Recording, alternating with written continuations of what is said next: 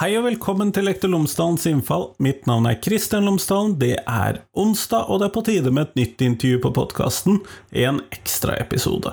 Denne gangen så snakker jeg med nestleder Bjarte Helland i Industri- og Næringspartiet, som er et nyoppstartet parti, men som også har da blitt godkjent som nasjonalt parti allerede. Vi snakker om hva Industri- og Næringspartiet ønsker å gjøre med norsk skole. Hva vil de prioritere hvis de får valgt inn noen, eller hvis de får påvirket Skole-Norge? Sånn, det er det vi ønsker å finne ut av. Hva vil Industri- og Næringspartiet med norsk skole? Hva prioriterer de annerledes enn alle de andre partiene? Eh, hva er deres fokusområder? Så det får du her i denne podkastepisoden med Bjarte Helland, som er nestleder i partiet. Ellers, podkasten min er som alltid sponset av Cappelen Dam Utdanning, og hvis du går inn på skolen.cdu.no, så finner du alle de ressursene, oppgavene og oppleggene som Cappelen Dam Utdanning har laget i forbindelse med fagfornyelsen i grunnskolen. Alle fag, alle temaer, alle emner, tverrfaglige emner, det finner du inne på skolen.cdu.no. Så gå og sjekk det ut. Men her kommer intervjuet med Bjarte, vær så god.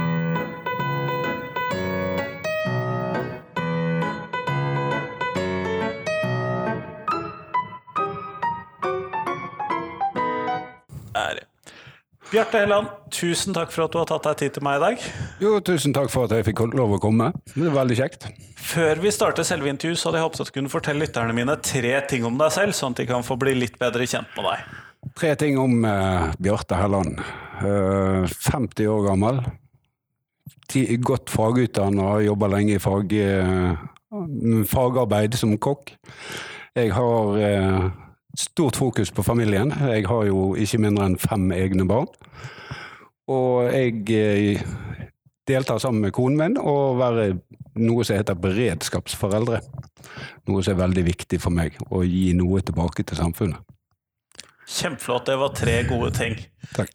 Eh, du er jo her rett og slett fordi at du er nestleder i Industri- og Næringspartiet.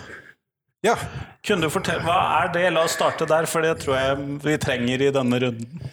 Industri- og Næringspartiet er et uh, parti som har utspring fra folk som er svært oppgitte på dagens kurs med det politiske uh, livet på Stortinget.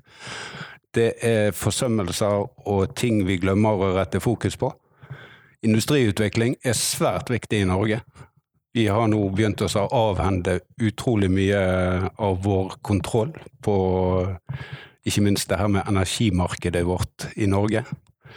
Det er retta stort fokus på at vi skal avvikle alt i Norge. Vi skal avvikle olje- og gassnæringen. Noe som gjør at vi kan ha et godt helsevesen.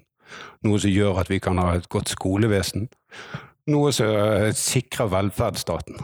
Og det det er der vi ble litt opprørte. Det er så lite fornuft på Stortinget i dag at vi rett og slett stakk fingeren i bakken og sa at det her må vi gjøre noe med. Det er ikke én eneste yrkespolitiker i dette partiet her i det hele tatt. Alle er vanlige folk som har fått et engasjement for å få en ny kurs. Og dere er et relativt nystartet parti, men så vidt jeg har forstått, så har dere klart også å bli registrert som parti, og ikke bare som partilister? Ja, det har vært en intensiv jobb. Vi begynte høsten 2019. Det begynte med Ove Ingemang Waltersø som partiets leder. Han hadde vel hatt seg noen seine kvelder med noen gode kamerater som utfordra han. Ja, men du har så mange meninger, så hvorfor tar du ikke bare starte et politisk parti? Som sagt, så gjort. Starta en Facebook-gruppe. Den Facebook-gruppen har i dag ca. 26 000 medlemmer. De 26 000 medlemmene de har faktisk vært med å bygge partiprogrammet vårt. Vi eh, samler oss eh, etter en stund med eh, utvalgte personer som vi spurte om de kunne ta et ansvar i oppbyggingsfasen. Jeg ble utfordra om å ta oppgaven som nestleder. Vi samla oss på Rjukan av den enkle grunn at hvor har du industrihistorie i Norge? så ja, for det var enten, enten har noen hytte der, eller så var det fordi at dette var et bevisst valgt sted. ja, det var et bevisst valgt sted. Vi signerte protokollen på, i eh, verkstedshallen på Vemork. Altså hvor andre plasser i Norge Helt sikkert mange industriplasser med god industrihistorie vi burde vært på. Men Rjukan var jo en av foregangseksemplene. Der stifter vi den 29. i andre 2020. Og, Akkurat mens man fikk, fortsatt fikk lov til å samle seg for å signere, altså.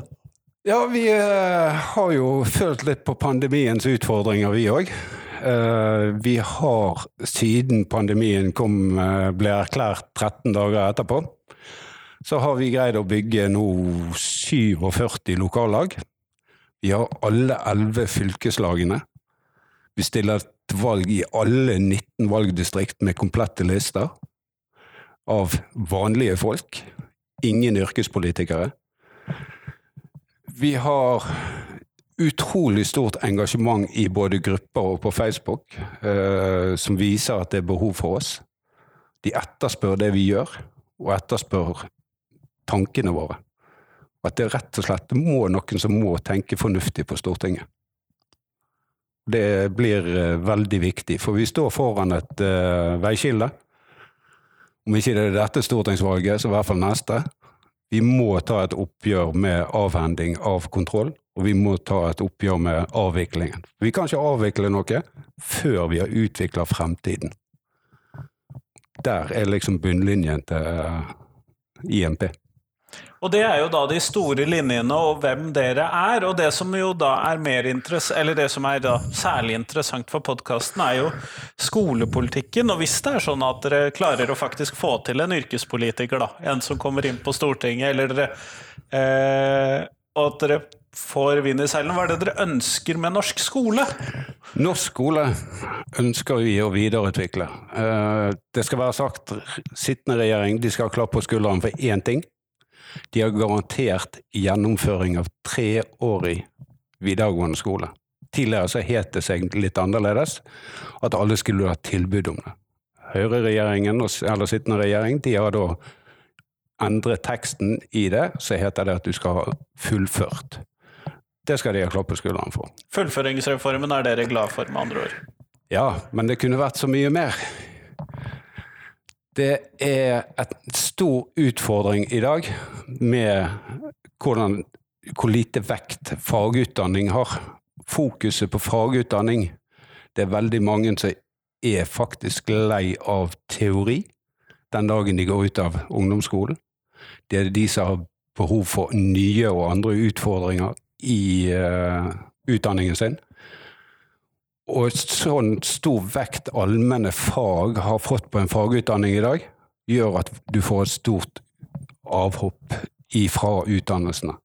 Og det er bekymringsverdig. Vi har svært lite fagutdanna personer i Norge nå.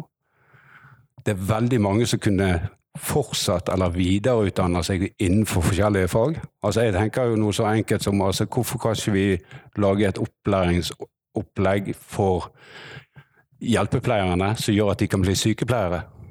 Og hvorfor kan ikke sykepleierne ha et opplæringsopplegg som gjør at det er mye lettere å bli en lege? Altså, for det er jo flere, flere som samarbeider der og kan lære seg å bli kompetente innenfor faget, selv om ikke de nødvendigvis har fem eller seks i snitt. Altså praktisk erfaring, det er faktisk mye mer Altså enkelte de kan liksom snappe opp denne her formel, som jeg kaller det, på hvordan Ok. Det er mye der, man kan lære på jobb.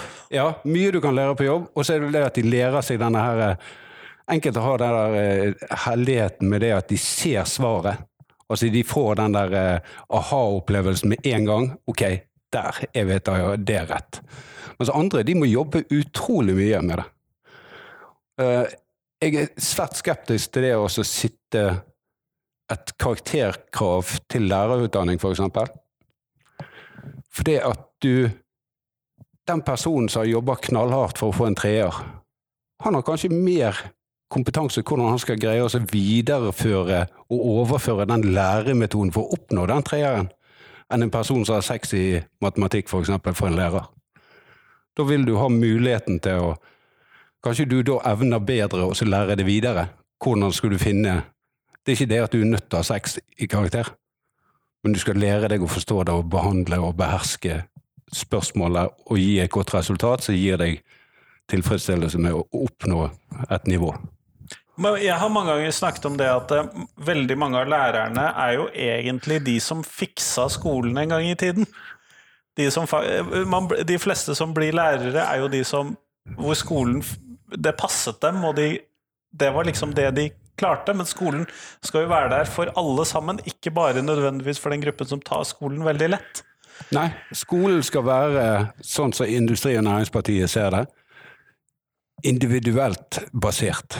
Vi skal se hvert enkelt individ. For alle har sine utfordringer. Enkelte har utfordringer at det her var for lett, det her ble for kjedelig. Og det kan jo resultere at de hopper av, at de hopper ut. Andre de hopper av fordi at det her takler jeg ikke. Det er ingen som ser meg. Jeg finner ikke resultatet. Jeg er bare Det her går ikke.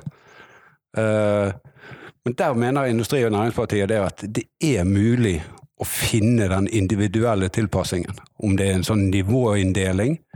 Eh, vi har sett på vi har jo sett på både det engelske systemet, det amerikanske skolesystemet, der du har forskjellige nivåer. Selv om du går på samme klassetrinn, så har du forskjellige nivåer på hva slags kompetanse du får til deg.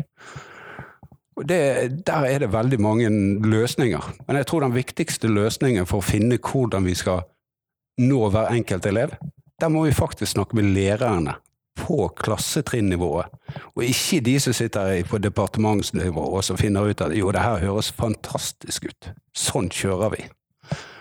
Så du, du må faktisk snakke med de som faktisk praktiserer det. For Det hjelper ikke å sitte oppe og så si at sånn og sånn skal det være, og så skal du liksom tro at det her er good to go. Altså, det, det er som regel ikke de som har løsningene. Det er faktisk de som jobber på gulvet. Det er hjelpepleierne, det er sykepleierne, lærerne. Altså, det er snekkeren som vet hva løsningen er. Hvor mange ganger har ikke jeg hørt Jeg har jobba litt offshore. Og der kommer det ingeniørløsninger fra land. Ingeniører som bare papirutdanna. Eh, ikke noe ilt om de. De har jo sin utdanning og de har sin kompetanse, men de har gjerne konstruert noe som er vanskelig å få på plass pga. at de ikke har hatt en praktisk erfaring. Og Det er jo der IMP kommer inn. at Det er derfor vi vil vektlegge det. At du bør også ha en god overvekt av fagutdannede personer som faktisk ser problemet der og da, og kan påpeke det før det er ferdig produsert. Og så må du sende det på land igjen. Ja, Men hvis vi da skal fortsette å holde oss da på videregående skole, vi skal krympe litt i alderstrinnene etter hvert, for jeg Ja. vil ha litt synspunkter fra deg der også. Men dere skriver bl.a. at dere vil ha, yrk ha etablere yrkesfaglige linjer uten kjekt å ha-fag.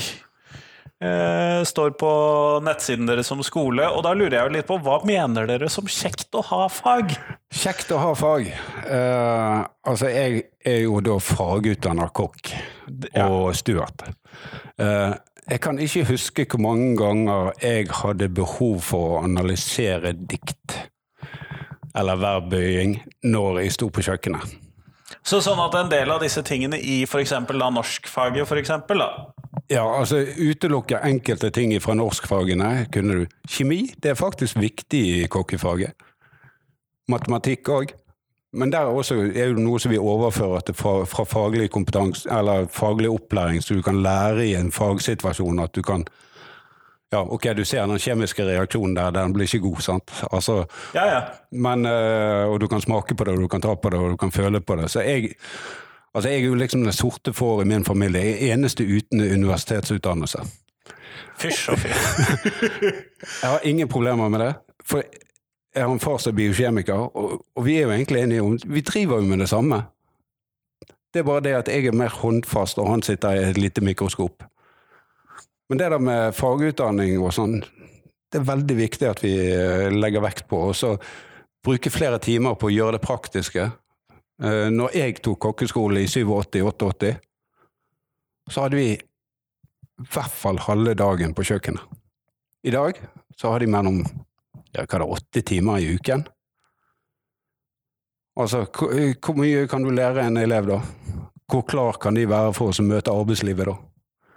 Altså, Det hjelper ikke en arbeidsgiver å ha en elev som er for uh, sex i fransk og værbøying, enn en som har praktiske kunnskaper, som faktisk greier å ta steike den biffen. Skru fast den mutteren med rett forhold. Sant? Du greier å se det at ok, den er 10 mm, ikke 8 mm, og så skal du bruke en hel dag på å lete etter rett skrue. Så det, det er den praktiske erfaringen som mangler som er blitt forsømt etter Reform 94. Altså, de får ikke nok praksis. I, og, og, de har liksom prioritert og vektlagt det her med at du skal ha en karakter i gym, f.eks. Ja, gym er viktig. Aktivitet. Men da vil jeg heller motivere folk til å gå ut og ta seg en tur. Altså det at du skal greie de her kravene til en eller annen test, eller om du skal kunne skrive en uh, treningsoppgave eller noe sånt. Det er sånn kjekt å ha. Det er helt sikkert de som vil ha det, men vi bør også ha muligheten til å være helt sånn spesifikk på det praktiske i fagutdanningen. Så mer praksisretting av de fagene som er en del, og kanskje til og med ikke ha karakterer i noen av dem, da? Ja, altså om de har karakterer i de, eller om de bare har en lett innføring, eller Altså, vi sier ikke at vi har oppskriften. Uh, det, det, er vel en av de gjennomgangene at vi er veldig spørrende for Industri- og Næringspartiet. Hva kan vi gjøre bedre? Altså Vi stiller spørsmålet hva er den beste utviklingen? Hvem bør vi snakke med for å finne den beste måten å utvikle det videre på? Og Da hjelper det ikke å sitte på departementet borte i Oslo og si at sånn og sånn skal utdanningen være. Ferdig arbeid. For det er det som skal være en standard. For ingen elever er standard. Ingen unger er standard. Alle har sine forskjeller. Og det må vi vektlegge. Mm. Eh, og jeg forsto det jo sånn, eller det vil si du var jo helt tydelig på at dere satte pris på denne fullførings... Eh, den biten som handlet om fullføring, da, som regjeringen nå hadde foreslått. Ja. Eh, og det regner jeg jo da med at dere vil videreføre, men hva tenker dere om det å gjøre endringer på studiespesialiserende, sånn som de også foreslo i den samme tingen, eller er det mindre viktig for dere? Altså Akkurat det med studiespesialisering, altså det er jo viktig at folk kan spesialisere seg. Eh, folk må gjerne ha større utfordringer på enkelte områder. Det kan være av faglige fremtidige behov, og det kan være av behovet for å utfolde seg sjøl, oppfylle sine egne For vi sitter jo alle, alle våre egne krav hvor vil vi? Hva vil vi oppnå? Og Da må du kunne styre deg i den veien. Og, må, og det igjen, der kommer denne individualiseringen som vi ønsker. Ok, Vi har en elev som har et spesielt behov, som har et ønske om å gå den veien. Hvorfor skal vi nekte de det? Jeg skjønner det ikke. altså, vi må, vi må, ha muligheter til studiespesialisering. Mm. Eh, jeg har lyst til å ta deg med litt lenger ned i alderstrinnene, og en av de tingene som jeg ofte har sett, er at eh, videregående, der kan du i hvert fall velge. Du kan velge yrkesfaglige linjer, eller du kan velge studiespesialiserende linjer. Men alle må gjennom den samme ungdomsskolen. Ja. Med ganske mange teoretiske fag og ganske få praktisk-estetiske fag. Hvilke tanker har dere gjort dere der? Ja, altså, jeg skal være helt ærlig. Vi har Altså, som navn eh, skal ikke skjemme oss. Vi heter Industri- og Næringspartiet. Uh, vi er et ungt parti. Uh, vi stiller opp mot partier som har hva Venstre de har vel hva det 120 år i, på Stortinget eller noe sånt. 140 nesten. 140, ja. Der kan du se hva jeg har fått med meg i lærdommen. Uh, og de har jo bygd det her. Altså, du kan ikke utvikle god politikk over natten. Det må modnes litt, og der har vi valgt å bruke, noe til å begynne med, Facebook-gruppen vår. Vi har en utrolig kort vei inn til ledelsen, der både jeg og Ove, Ingemann Waltersø, som er leder, sier det ta kontakt med oss. Vi pleier å utfordre når vi står på stand. Hvis du har en mening om hva vi bør sette fokus på, Ok, her har du kortet mitt. Der du telefonnummeret mitt. Der er e-postadressen min. Send meg din variant. Veldig mange som er litt sånn kverulerende på ja, hvorfor har ikke vi sånn, og hvorfor har ikke vi sånn. Det er ikke alltid vi hører fra det igjen. De har ikke løsningen sjøl. Men eh, det å utvikle Sånn som ungdomsskolen, for eksempel. det er enkelte elever altså jeg, vil, jeg, jeg kunne jo godt tenkt meg å begynne i barnehageenden, da. For det, Ja, ja. For, det, for det er der det begynner, sånn som jeg ser det. Der du begynner med at alle skal inn i denne her A4-formatet. Det er jo allerede da vi begynner. Sant? Altså, øh, da er det barnehagen som skal ha ansvar for at du skal bli bleietør, nesten. Øh, noe jeg ikke skjønner. Jeg holder på å utarbeide et forslag der som går på øh, eh, barselspermisjonen. Eh, sånn røftlig tenkt. Så eh, det er jo veldig inn i tiden akkurat nå med det med kontantstøtten, og skal, skal ikke fjerne. Det er fem partier som ønsker å fjerne den. Industri- og Næringspartiet, hvis det får gjennomslag. Vi vil da omprioritere det med at vi øker barseltiden. Vi skal gi mor tolv måneder. Familien totalt 18 måneder. Og så for, for den tryggheten, altså mye basert på den jobben jeg har nå i dag som beredskapsfar, der har du det der primærbehovene må alltid fylles opp. Hvis du går, og begynner i barnehagen når du er ti måneder gammel, og så skal du formes av systemet, da, altså det er så mye som faller vekk da. Altså den nærheten, den tryggheten, den sikkerheten. Det her med små barnehager framfor store sånne her fabrikker. Mye bedre å ha de små lokale barnehagene rett på hjørnet. Der får du tryggheten med å være rundt folk som du vokser opp med. Sammen med skolene. Små lokale skoler. De gir deg en trygghet og en sikkerhet som gjør at du kan utvikle deg mye bedre. For det, den faktoren om å gi et barn en sikkerhet, den er så utrolig undervurdert at uh, det er en viktig ting å ta tak i. Uh, små klasserom, eller ikke klasserom, da, men små klassetrinn. Jeg, skjønte nesten det at det var de små klassene du ville ha. Ja, uh, altså Der er det mye lettere for læreren å se og hjelpe og bistå eleven. Og da kan du også se på den individuelle behovene. Altså, Noen førsteklassinger uh, Jeg har vært veldig privilegert. Jeg har hatt fem unger gjennom skolen. Den dagen de har begynt på skolen, så har vi prioritert heldigvis sånn at vi, vi har alltid hatt en hjemme. Uh, så de skriver og de leser når de begynner på skolen. I første klasse. Det er det privilegium jeg har hatt. Eh, og det tror jeg ungene mine også ser på som et privilegium. Så har du andre som gjerne ikke har hatt den muligheten. De må få ekstra hjelp. Du må ha ekstra støttetiltak. Altså Du skal se den enkelte elev, men nå er det en sånn tungrodd prosess for å få den ballen i gang. Det Må ofte ha en diagnose, f.eks. ute i skolene. ja, du skal ha en diagnose, og så skal det analyseres og spesifiseres, og så skal de Kan ikke vi ha en mye enklere prosess, da? Ok, han der trenger kanskje nå en måned med ekstra støtte, så er han ovenpå med resten av gjengen. Hvorfor har ikke vi en sånn kort prosess? Men så skal du da heller gå igjennom en sånn tannhjulskvern med du skal eh, diagnostiseres, og så tar det lang tid, på grunn av det er jo ikke noe hemmelighet at vi har underskudd av eh, kompetent personell til å ta en vurdering. Og da liksom, da er du allerede for seint ute. Altså, det skal være korte, raske, hurtige tiltak som skolene kan iverksette. Men det igjen, det krever da økonomi. Og hvem styrer økonomien? Da sitter de på Stortinget og skylder på kommunene. Der har jo vi en litt sånn annen vri enn de andre partiene. Vi mener det at han utdanningsministeren, det er hans ansvar at de har penger i kassen på barneskolen. Det er hans ansvar at de har penger i kassen til å følge opp og følge opp hver enkelt elev på ungdomsskolen, på videregående, på universitetet.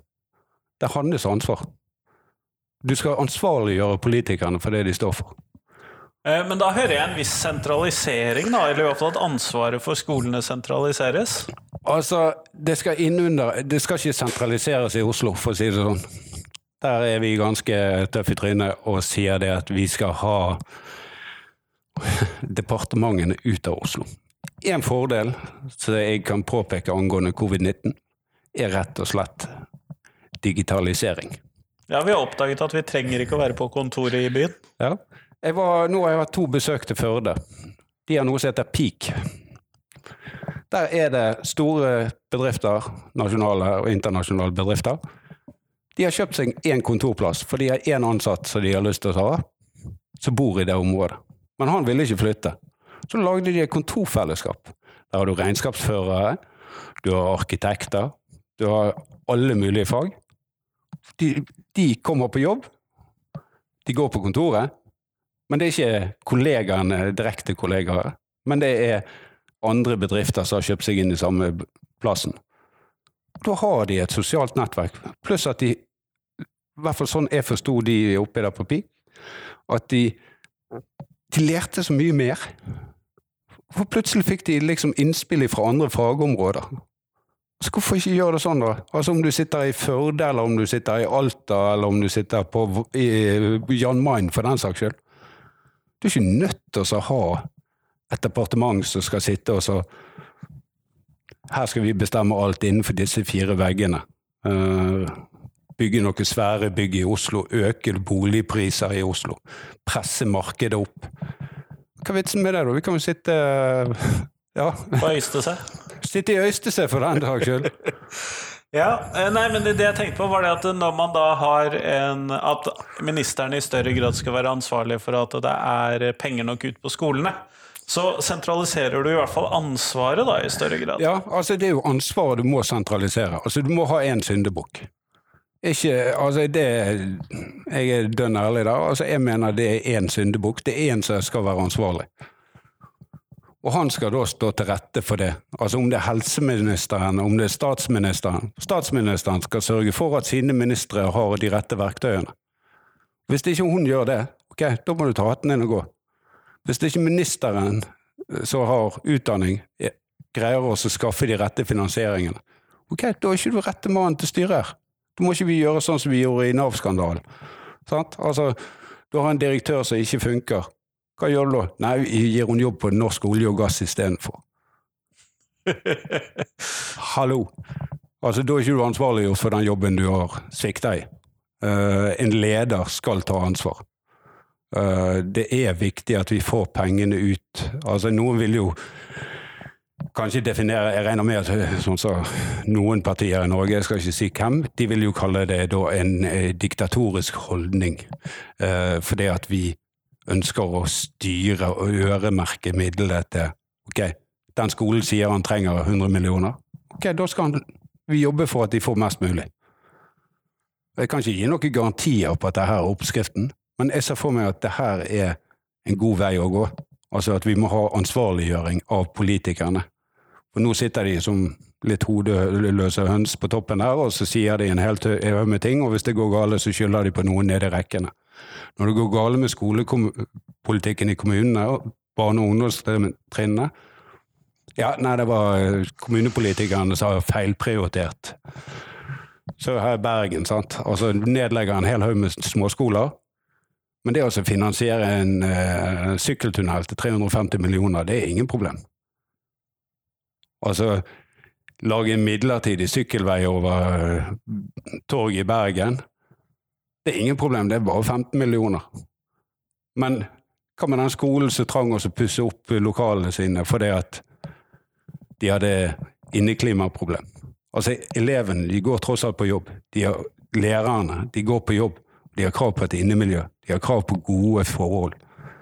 Men det er denne pengeprioriteringen der så da sitter de der oppe i toppen, og så skylder de på de der nede. Kommer på fylkesskolenivå, akkurat samme tingen. Ja, Men dere har jo pengene, det er bare dere som har prioritert til feil. Så det var liksom bare skyver skyve ansvaret over på alle andre. Det, det, hjelper ikke. Altså, Vi må være ansvaret bevisst. Du har fått en oppgave å gjøre noe, og da skal du gjøre den. Og nå må du være ansvarlig. Det gir i hvert fall en tydeligere ansvarsrekke, da, i hvert fall. Ja, altså det, det verste jeg vet, er jo å sammenligne ting med USA, altså, men der har du den chain of command. sant? Altså Det er sånn bam, bam, bam. Du har et styresett. Men det som vi gjør feil i Norge, sånn som jeg ser det, er det at det er ovenfra og ned. Altså, de oppe som ikke gjerne har vært lærere på, eller har utdanning som lærer, de skal da bestemme hvordan lærerne skal lære ifra seg. De skal bestemme hva de skal lære ifra seg. Altså, Hvorfor får ikke lærerne være med og påvirke det mye større? Altså, det, det er det inkluderende arbeidslivet, som jeg kaller det, som jeg er veldig opptatt av. Altså Den som skal utføre jobben, må jo få lov å være med og påvirke hverdagen sin. Ellers er det ikke noe vits i. Da kan du liksom godt ansette noen roboter eller dele ut en haug med sånne nettbrett, og så skal de sitte og klikke. Ja, nei, det håper jeg vi ikke kommer til. Nei, ikke jeg heller. Det er ikke der jeg vil. Jeg vil ha den person til person. Men kunne vi sett for oss at vi tok yrkesvalget tidligere? At man gjorde yrkesvalget på ungdomsskolen? Kunne det gått an? Altså, Jeg er åpen for alle gode ideer, og jeg syns det høres jo fantastisk ut. Altså, For du har allerede da begynt å lure litt. Altså, Og noen er allerede begynt å bli skolelei eller teorilei? ja, altså hvorfor kan ikke de streike Kjempegodt eh, innspill. Altså, Det er jo sånne innspill jeg hele tiden ber folk som utfordrer oss litt på politikken vår. Kom med gode innspill, og vi er villige til å lytte. For det, er- det er en fornuftig løsning, sånn som, og det er litt der IMP er. Vi vil ha den fornuftige løsningen. Altså, når du da eh, ser at en elev er lei av å gå på skolen og lese norsk eller matematikk, og så har han kanskje en fantastisk oppmerksomhet mot det å skru på en sykkel. Ok, Hvorfor kan ikke du la han få lov å skru litt på den sykkelen? Jeg vet om mange dyktige lærere som greier å overføre den kompetansen der. Altså hvorfor er den 22 mm og ikke 24 mm? Og da må du begynne å regne. Da kan du overføre lærdommen fra matematikken som du egentlig syns er brøk, er jo ikke alltid like gøy. Men da kan du overføre den til praktisk matematikk, praktisk lærdom. Altså hvorfor heter det det? Da har du plutselig kommet over på språk. Og så har du fysikk. sant? Altså hvis dreiemomenter Du har all slags mulighet du kan liksom overføre til praktisk arbeid. Men det er veldig viktig at du er gode lærere. da. Men det vet jeg vi har. Men det er bare de får ikke lov å prøve det. For de skal inn i den A4-formen som vi syns er så veldig gjevt her i Norge. Og det Hvorfor ikke prøve noe nytt? Det høres jo ut som vi trenger flere lærere, eller flere, færre elever per lærer, da, hvis vi skal følge det som du skisserer her. Ja, men det har jo vi i partiprogrammet vårt. Klassene skal være mindre. Helt ned til barnehagen. Vi er dagens nivå. Altså, det er jo ingen problem hvis du har La oss si hvis vi hadde sett det, det er ikke så mye jeg syns er bra med amerikanske skolesystemet. De svikter på mange områder, men akkurat det med nivådeling, eh, altså kompetansenivået innad i klassetrinnet, der hadde jo de Jeg har gått på eh, high school i USA. Eh, der hadde jo de forskjellige nivå. Sant? Vi fungerte som en vanlig klasse, men vi hadde forskjellige bøker og forskjellige utfordringer. Men du satt i samme klasserommet, og du hadde samme interaksjon med de andre elevene. Det var ikke det at noen så ned på de som hadde en litt enklere bok, eller de som hadde en litt mer avansert bok som virkelig utfordra. Det var ingen som satt oss og skjøt på hverandre inne i klasserommet der at 'se ser på han tullingen der. sant? Og det er ikke der vi skal. Alle er individuelle personer. Alle trenger den mestringsfølelsen. Altså hvordan skal jeg greie å mestre det? Hvordan skal jeg oppnå Og det må jo være det som er læreren sin oppgave. Lære eleven å få et mestringsnivå. Lære han å få en følelse. Altså det er en utrolig kick. Uh, jeg er jo litt sånn småadrenalin-junkie, så altså, Men det der kicket der med å liksom Du skjønte det. Liksom, det er jo den der klassiske tegningen. Lyset går opp over hodet på deg, sant? og så bare bling. Da er du kanskje klar til å hoppe opp på neste nivå. Og Da er det ikke sånn at ok, nå må jeg skifte klasse, for nå skal jeg i et annet. Da er du i samme klasse, og det er ingen andre som ser det at du får en bok som er litt mer avansert. Du får de samme karaktersettingen, bare det at det er basert på det nivået der, og ikke på det høyeste nivået. Og så Hvis du da er på et for høyt nivå, så har du da muligheten til å dette litt ned igjen for å hente deg inn igjen. For det er jo av og til sånn at noen ting er enklere å løse enn andre ting. Og det er jo der vi må fokusere. Vi skal finne de gode løsningene for den enkelte elev. Hvordan skal den enkelte elev oppnå sitt maksimale potensial? Men da er det viktig at vi har gode lærere. For det har vi. Men de har ikke det der spillerommet. For det at de har fått et formular som kommer ovenifra. Det er A4. Hvis de innafor utafor noen som har vei, så får du et smekk på fingeren og så Nei, nei, du må jo gjøre sånn som du har fått beskjed om. Men det er jo læreren som kan påpeke hvordan vi bør legge denne listen. Hvordan bør vi lage det her løpet?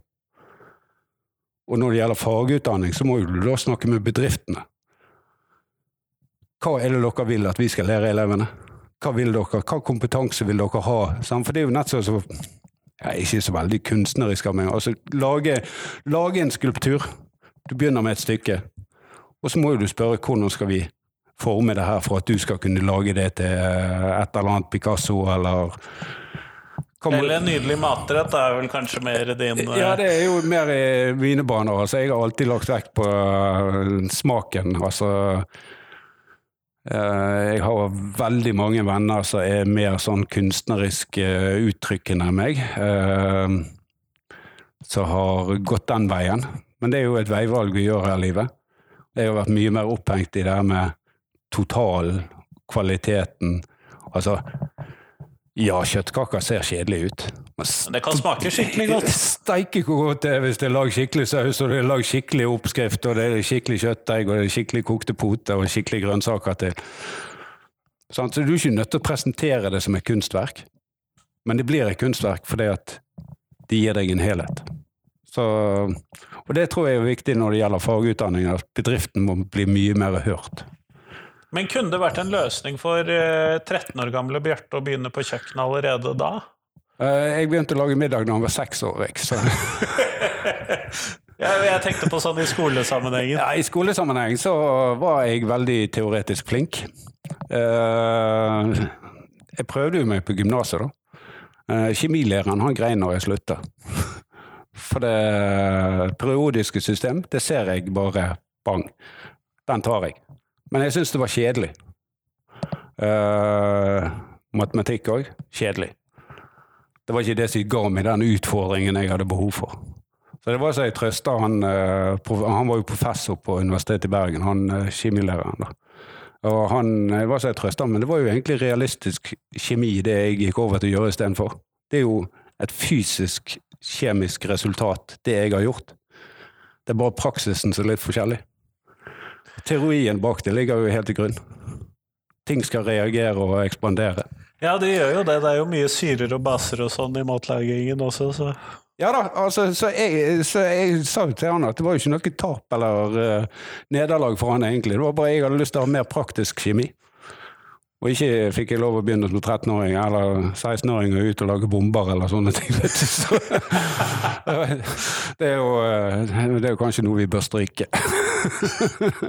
Nei, men eh, jeg syns det det ville gitt mer praksis. Jeg har jo snakket med andre hvor man har skytetrening som en del av skolen, hvor man får øve seg på eh, dette med å puste, slappe av, sikte, konsentrere seg, alle disse tingene som en del av skolehverdagen. Ja, men det er jo en fin måte, et godt eksempel på hvor mye balanse. Altså, skal du greie å treffe den tieren? Det er vanskelig. Ja, eh, hvis ikke du har trent på det. Det er pusteteknikk. Rett og slett konsentrasjonsteknikk. Enkelte trenger det mestringsfølelsen der med å treffe blink. Altså, første gangen så er de jublende glad når de får en femmer. Og så lærer de seg rett pusteteknikk, liggestilling, sittestilling. Og så plutselig treffer du en tier. Da skal du se en som hopper. Jeg har drevet mye med sånn miniatyrskyting i bygda. Vi har sånn grendahus, så vi har drevet med det. Og den mestringsfølelsen der altså, du ser jo, altså, Det er lykkerus. Det er jo adrenalin de luxe Se det på en eh, åtte, ni, tiåring. At her har de beherska. Og det, du vet at den samme åtte, ni, tiåringen, når han sitter i klasserommet, så sitter han nesten og vibrerer. Men da, annet, da, skal han slå noen andre. Da, skal, da er det litt konkurranseinstinktet som gjør at han greier å fokusere og konsentrere seg. Og så treffer han. Bedre enn han som er så mye flinkere på skolen. Da blir jo det en eh, seier. Og det er jo de seirene vi må gi til eller til skolen. At vi må gi dem de der seierne i hvert eneste dag de går på skolen. Og jeg kjenner veldig mange lærere, har veldig mye kontakt med mange lærere. Uh, mye av jobben vår. Uh, men det er jo den der å gi en person en personlig seier. Altså, det er jo ikke noe som er mer tilfredsstillende. Altså det at du ser at Ja, altså, de blir liksom ja, opp på den rosa sky og Tjoho! Det er jo nesten som du fyrer av raketter vet du, på nyttårsaften. sant? At Yes! Dette takler jeg. Dette fikser jeg. Og se den der selv, selvfølelsen de får da. Altså, det er jo sånn De går ti centimeter over gulvet når de forlater rommet. Ja, de gjør virkelig det. Og I hvert fall du som er lærer. Sant? Du vet jo det at den dagen du har en elev som gjerne har slitt med et spesifikt problem, den dagen han fikser det problemet, hvordan går han da? Ja, nei, Det er magisk når de knekker nøklene. Ja, Da er det liksom en sånn stolt hane da, ut av klasserommet og Yes! Men Bjarte, vi går mot uh, slutten av podkastepisoden. Og da har jeg mitt siste spørsmål som jeg stiller til alle jeg intervjuer. Og hva er de tre viktigste tingene du tenker at skolen lærer elevene? Ja, der var vi litt inne på det før. Altså det her med mestringsfølelse, mestringsoppnåelse, og at de greier å få denne godfølelsen at 'det her kan jeg'. Altså komme til seg sjøl at altså Uansett hva slags utfordring du har i livet, og det å overkomme den der at ikke alt er så steike balle, uh, men at du mestrer det å takle et problem, takle en utfordring, og så skal du da lære deg å analysere utfordringen. Hvordan skal jeg løse den utfordringen? Så, altså, du kan jo se, lage det som et enkelt mattestykke, eller du kan lage det som en Hvordan får du den kjøttdeigen til å bli kjøttkaker? Sant? Altså, lære de hvordan de takler motgangen med å mestre det og komme over og finne løsningen på, på problemet. Altså, det er det beste skolene kan bidra med, sånn som jeg ser det. Altså lære elevene, hver enkelt elev som sitt, er sitt eget individ, hvordan skal jeg mestre det? Hvordan skal jeg få mestringsfølelsen, og hvordan skal jeg finne nye utfordringer så jeg kan mestre videre? For det er jo det som er med mennesker. Vi trenger nye mestringsbehov, eller utfordringer. Og så må vi finne en måte å løse problemet og mestre det. Og når vi har greid det, da er vi dønn klar for neste. Og så bygger det her opp. For det, her, det har veldig mye med det her med en ting som har blitt satt mye fokus på i uh, covid-19-perioden nå, pandemien, er jo det her med mange som har følt på utenforskapet. Og, og, det er jo en psykisk tilfredsstillelse, det å mestre noe. Og når du da greier å bygge opp en person der, så vil det også underbygge det psykiske som vi har store utfordringer med i samfunnet. Så det, her, det er veldig komplekst, men det er veldig enkelt. Skolen må gi eleven muligheten til å mestre en oppgave, finne og overvinne oppgaven.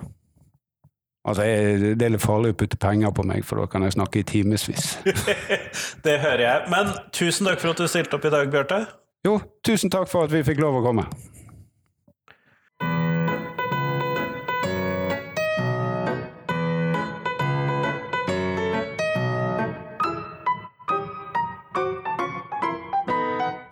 Tusen takk til Bjarte, og tusen takk til deg som har hørt på. Nå er det fram til fredag, så kommer det en helt ny ordinær episode på podkasten. Eller hvor ordinær kan være når den havner, handler om autismespekterforstyrrelser og skolefravær. Men det er på fredag. I mellomtiden så håper jeg at du kan dele podkasten min med noen, sånn at vi blir sikre på at alle de som trenger å høre podkasten, får hørt podkasten. Jeg syns i hvert fall det er veldig gøy. Og så I tillegg så mistenker jeg at en del av dere ikke har hørt så mange episoder nå i løpet av sommerferien. Så hør, gå tilbake i katalogen min og se om du finner noe interessant i løpet av sommerferien på podkasten, for det tror jeg du kan like. Men i hvert fall, ha en fin uke videre. Hei, hei!